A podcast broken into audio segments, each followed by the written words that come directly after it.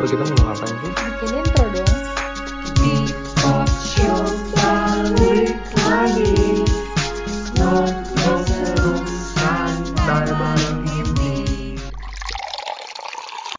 Tipo Show, the place where you spill the tea.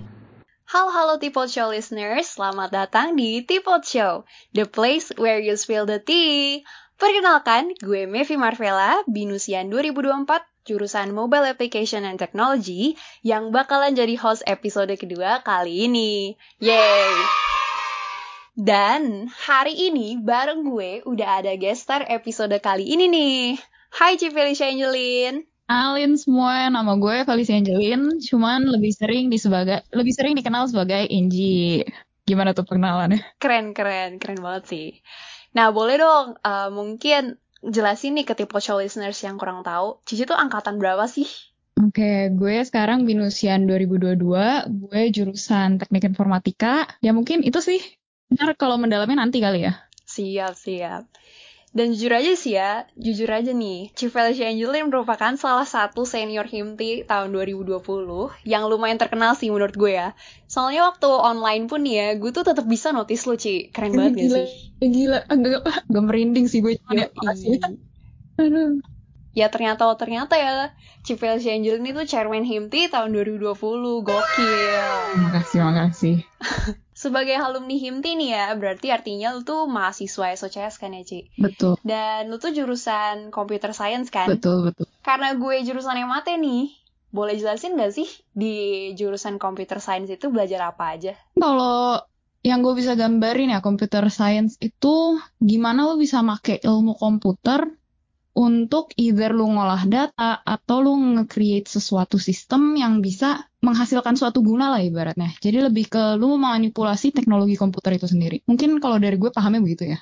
Oke, keren banget sih. Dan kalau setahu gue juga ya, jurusan computer science itu pas semester 4 ada penjurusan gitu sih. Cici tuh ngambil jurusan apa tuh? Hmm, Oke, ini lucu sih ada ceritanya dikit sih. Jadi kalau dulu kan penjurusan tuh banyak ya. Iya. Dan penjurusan gue sekarang udah gue pilih itu gue masuk ke database teknologi. Dulu kan ada juga nih kalau pada tahu tuh ada yang namanya artificial intelligence tuh, iya gak? Iya, iya, tau tau. Nah dulu tuh gue bener-bener dilema antara mau masuk si DB kalau nggak masuk AI. Cuman akhirnya gue masuk DB sih. Oh, katanya sih ya yang masuk AI tuh rada yang pinter-pinter itu sih, apa? Kalkulus, matematika. Soalnya kayak ada relasi dan hubungannya sama matematika gitu. Bener gak sih? Mungkin lu harus pinter banget menurut gue enggak. Tapi kalau misalnya lu bisa mahamin konsepnya bakal lebih gampang lu ngepelajarin si AI-nya itu sendiri sih. Menurut gue gitu sih. Keren banget sih, gila. Soalnya gue kayak selalu fascinated gitu sih sama AI. Soalnya kayak keren aja gitu gak sih? Bener gue juga, gue aja yang hampir masuk AI aja ngerasa itu bener-bener keren banget sih. Iya, yoi. Dan ngomongin soal jurusan yang dari dulu banyak, sekarang jadi mengecil, tapi di SOCS sendiri ya, jurusan tuh tadinya ada Mobile Application and Technology, terus ada Cyber Security, ada GAT juga, dan berbagai jurusan double degree. Sekarang ya, Ci, tau gak sih, tahun ini udah ada tambahan baru yaitu Data Science. Denger tuh bener-bener hebat banget sih.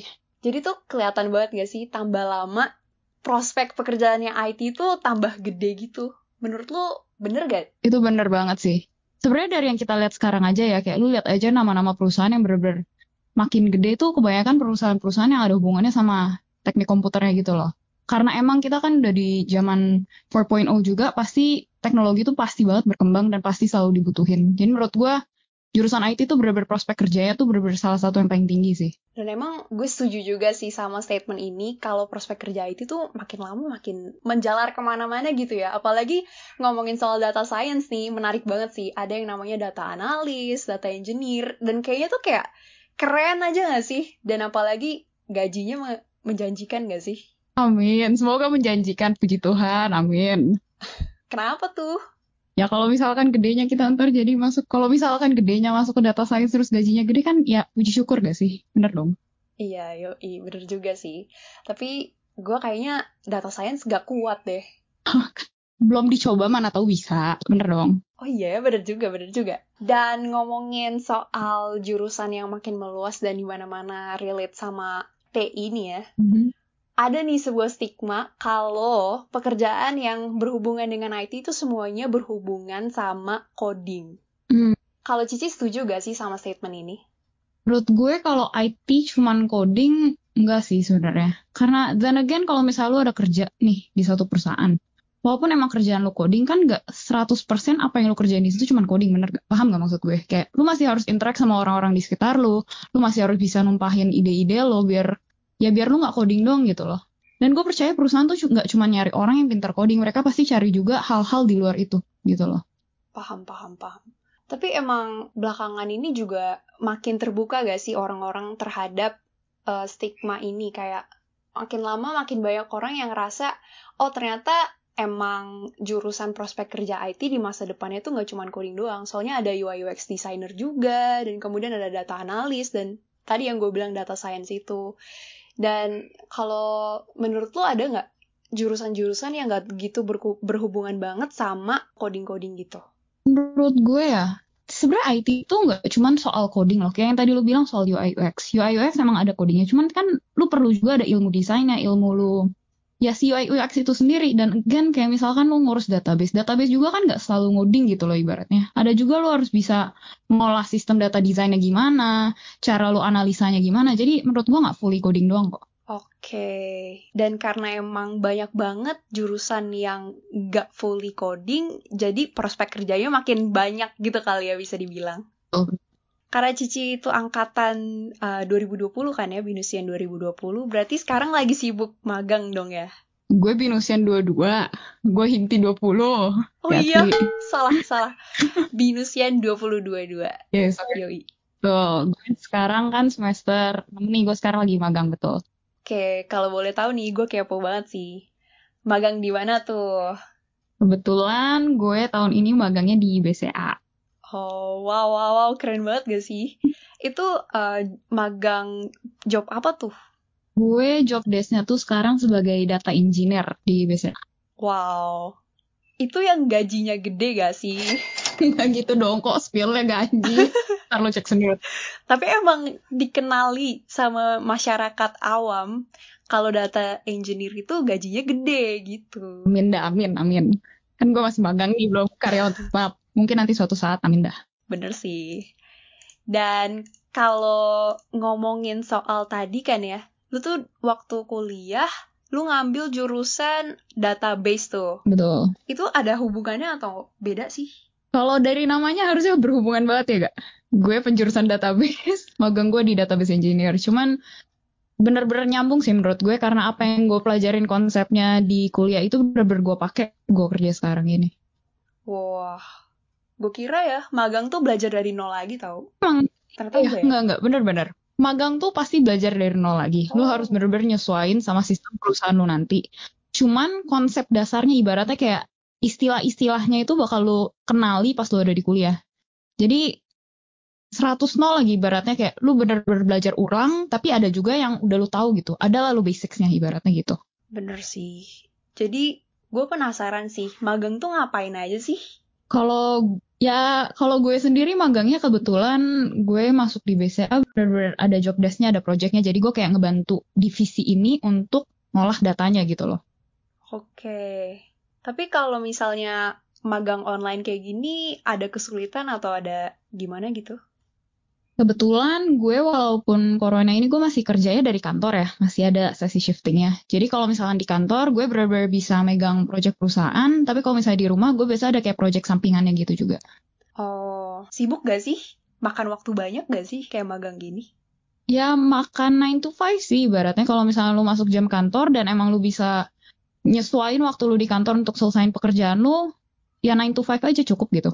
Oke, ada problem atau ada cerita lucu gitu Wah. misalnya sama magang online? Sama magang online ya. Mungkin dulu pas awal-awal kebetulan karena gue kerjanya di data tim data engineer di data warehouse-nya gitu, data kan nggak boleh dibawa pulang ya. Terutama gue lagi anak magang juga, gue belum keikat kontrak sama pekerjaan mereka. Jadi gue bener-bener 100% tuh nggak boleh bawa data tuh pulang ke rumah. Jadi walaupun itu gue tuh bener-bener awal tuh bener-bener harus full 100% kerjanya dari kantor. Cuman karena PPKM-nya makin meningkat, akhirnya gue diputusin untuk shifting setengah di kantor, setengah di rumah. Nah pas di rumah ini juga gue nggak megang data kantor, cuman megang project di luar itu. Oh, ngerti ngerti. Kebayang betapa susah dan betapa bebannya ya kayaknya ngurusin data gitu kalau misalnya ada kebocoran data ya. Jadi kayak deg-degan gak sih? Wah udah dituntut gak sih kalau datanya bocor? Iya weh, serem juga ya. ya jaga jaga kerahasiaan perusahaan lah bener dong. Yo, bener bener bener.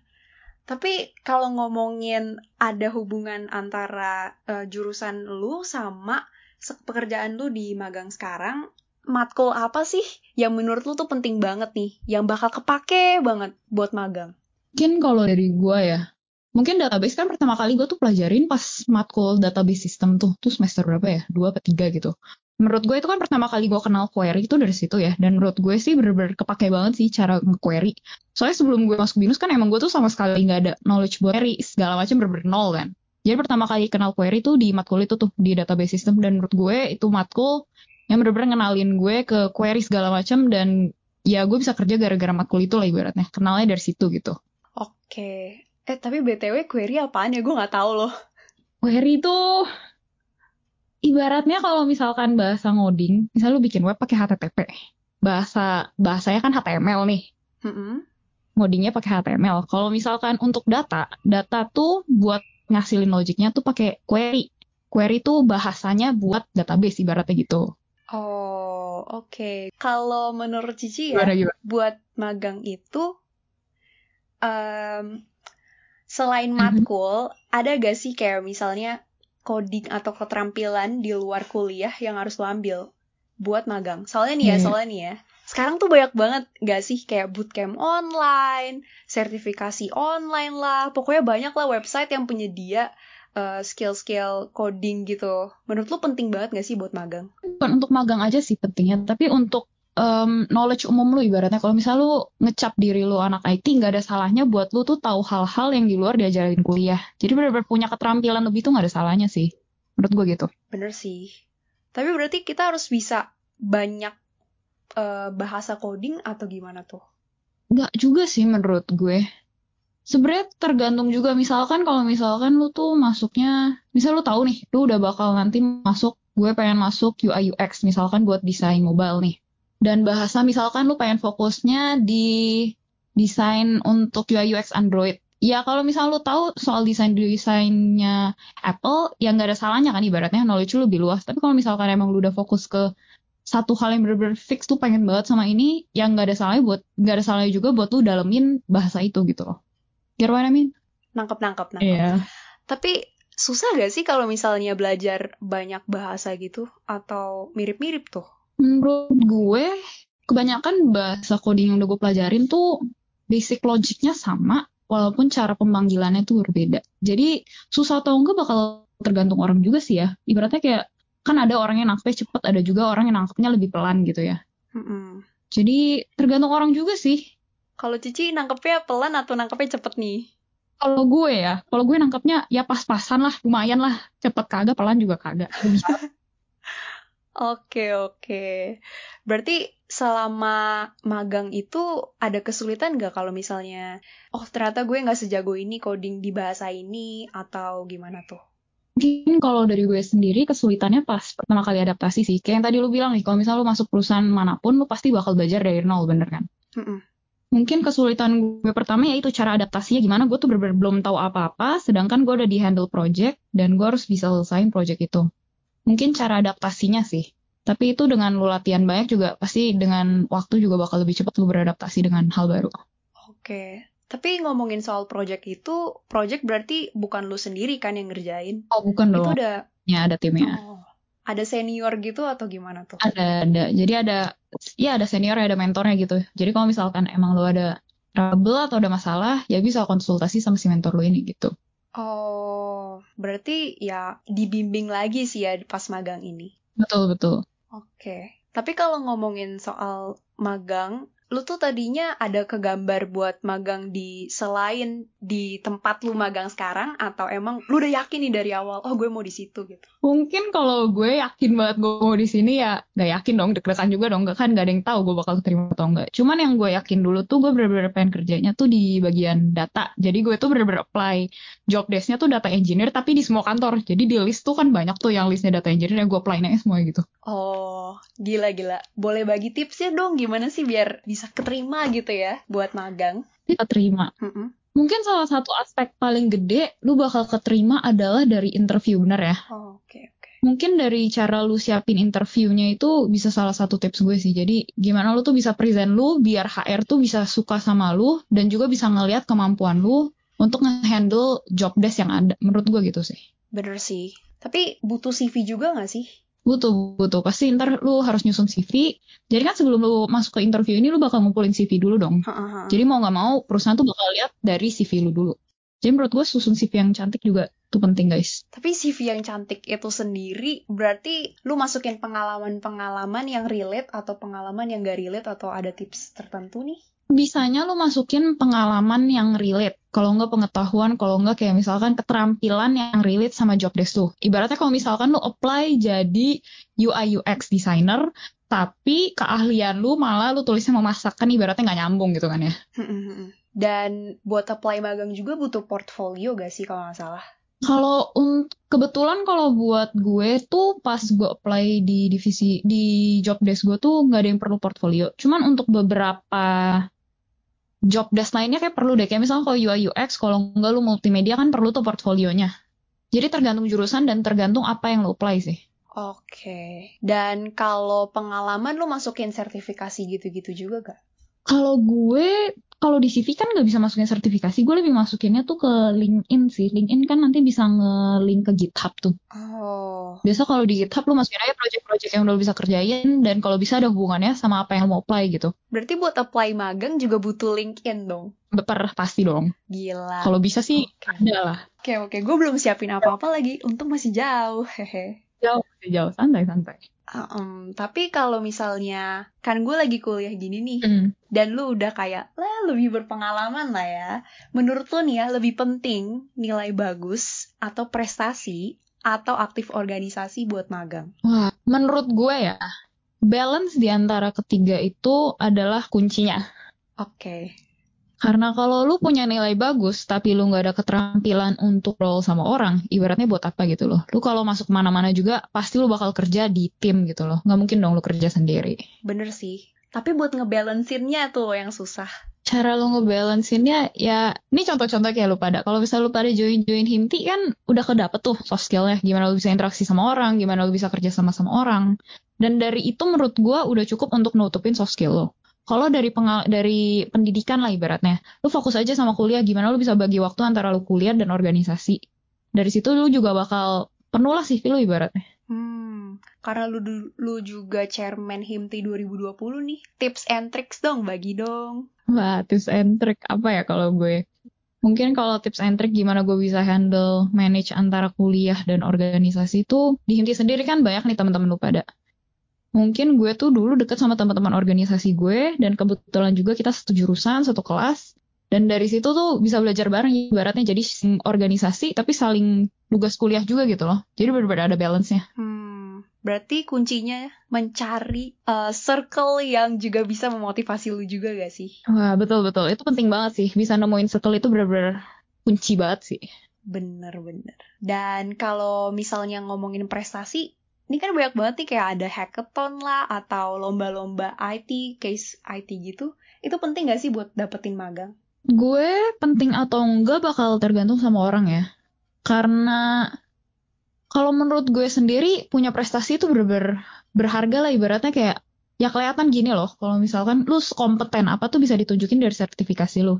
Cuman kebetulan kalau gue sendiri kan gue nggak ada sertifikasi yang bener-bener bisa ngelonjak CV portfolio gue ibaratnya. Dan gue cuman bisa nutupin itu dua dari sisi organisasi gue dan sisi kuliah gue gitu. Oke, tapi susah nggak sih ya buat nge apa kayak ngebalansinnya juga walaupun lu udah dapet kayak circle yang bagus. Mungkin boleh bagi nggak sih eh, cerita kesulitan lu atau gimana gitu? Wah, mungkin salah satu kesulitan gue pas semester lima terakhir sih. Semester lima terakhir kan tuh tahun gue ngejabat dan juga tahun terakhir ibaratnya kuliah sebelum magang gitu ya. Dan kebetulan juga di semester lima tuh benar-benar karena kita WF, eh ke WF, karena kita kuliah dari rumah. Kebanyakan tuh jadinya tugas dan project bener gak? Bener-bener. Nah itu bener-bener, gue semester 5 bener-bener gila banget sih. Semua matkul ada projectnya, tiap minggu ada tugasnya, belum lagi kalau himti lagi ada acara. Itu bener-bener hektik banget, bener-bener gila banget. Cuman puji syukur juga teman-teman inner circle gue yang gue sekelas ini tuh benar-benar bisa ngedorong sesama gitu loh. Jadi kita benar-benar bisa ngelewatin semua matkul, semua pekerjaan, tugas inti juga lengkap ya. Puji Tuhan karena gue ada inner circle ini sih. Matkulnya susah-susah banget ya? Susah-susah banget juga. Ya lumayan lah kerasa lah bebannya. Cuman kalau misalkan lu pada bisa bagi waktu juga, menurut gue lewat lah semuanya pasti bisa. Gue jadi takut masa depan gue. Aduh, pusing-pusing. Santai aja, santai, santai, santai. Semua phase hidup kita kan pasti ada tantangan hidup ya. Iya sih, bener banget sih. Tapi setelah lu ngerasain magang kayak gini nih ya, Hmm. lu tuh makin yakin gak buat kerja di bidang lu yang sekarang atau lu malah mau coba yang lain gitu? Kalau gue sekarang, di posisi gue sekarang, gue masih tertarik banget sih. Soalnya menurut gue masih banyak yang belum gue ketahui dari sisi pekerjaan gue yang ini, terutama ya yang gue kerjain sekarang gitu ibaratnya. Dan menurut gue, gue bakal stay dulu lah. Oke, tapi gue penasaran lagi deh. Gimana? Di antara job desk lu yang banyak itu ya, jadi database engineer itu, eh, yang paling susah atau yang paling gampang, yang paling lu suka, boleh deh ceritain. Paling gue suka ya. Mungkin yang gue paling suka, sebenarnya nggak bisa gue bilang gimana ya. Gue kan sekarang kerja tuh timnya lumayan rame nih. Cuman di pekerjaan gue sendiri ini juga ada inner circle-nya ibaratnya. Jadi walaupun kalau misalnya gue ada, kayak gue nge- ngelewatin semester 5 lah ibaratnya. Gue ada temen yang bisa ngebantu gue kerja dan organisasi. Di sini juga gue ada teman bisa ngebantu gue buat nuntasin pekerjaan gue. Kalau misalkan gue ada problem gue bisa nanya, bisa dibimbing juga. Tapi juga ada aspek pertemanannya itu juga loh. Jadi menurut gue udah nyaman gitu loh kerja di sini gitu. Berarti bakal lanjut lagi nih di tempat lu magang ini buat buat jadi pekerja tetap. Kalau misalkan dapat jadi pekerja tetap, puji Tuhan. Cuman kalau enggak, mungkin jalan Tuhan nggak di situ gitu kali ya. Tapi tetap fix bakal nekunin bidang ini dong. Ya, menurut gue gue bakal fix untuk nekunin bidang ini dulu. Oke. Mungkin ada banyak banget ya hal-hal yang bisa kita dapetin kalau misalnya kita udah berpengalaman gitu kali ya. Ya. Ada nggak sih uh, hal-hal yang pengen lu ceritain gitu ke teman-teman yang mungkin belum pernah magang kan? Kayak tips atau lu harus fokus di mana? Atau lu harus pentingin apa gitu?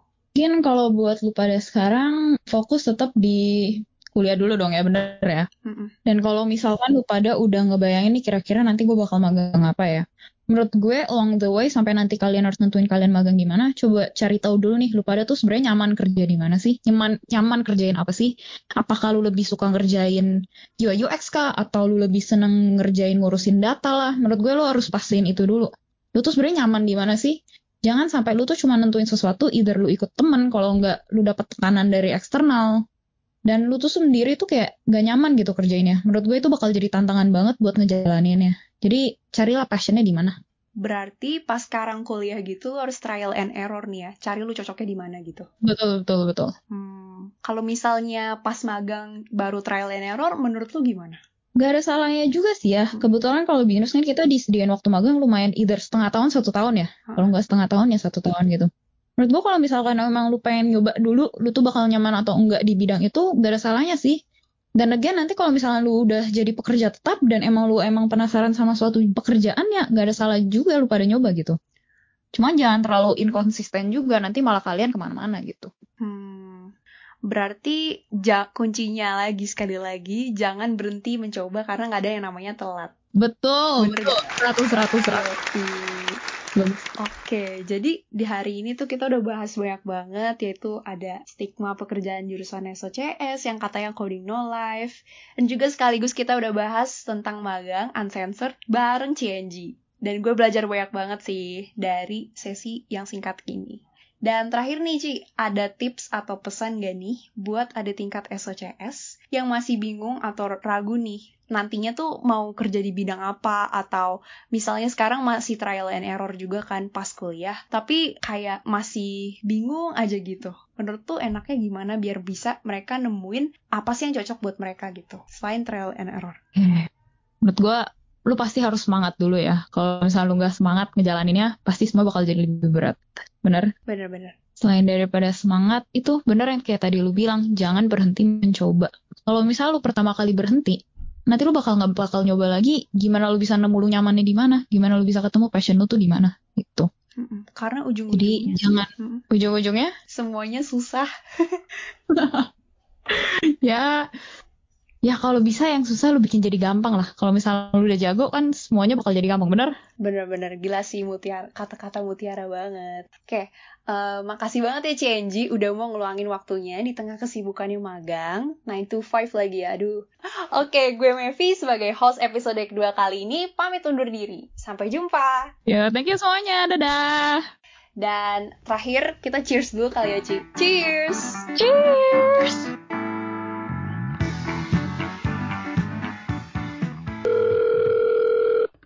Kalian baru saja mendengarkan Tipot Show Season 2 episode kedua. Nantikan episode selanjutnya ya. Sampai jumpa.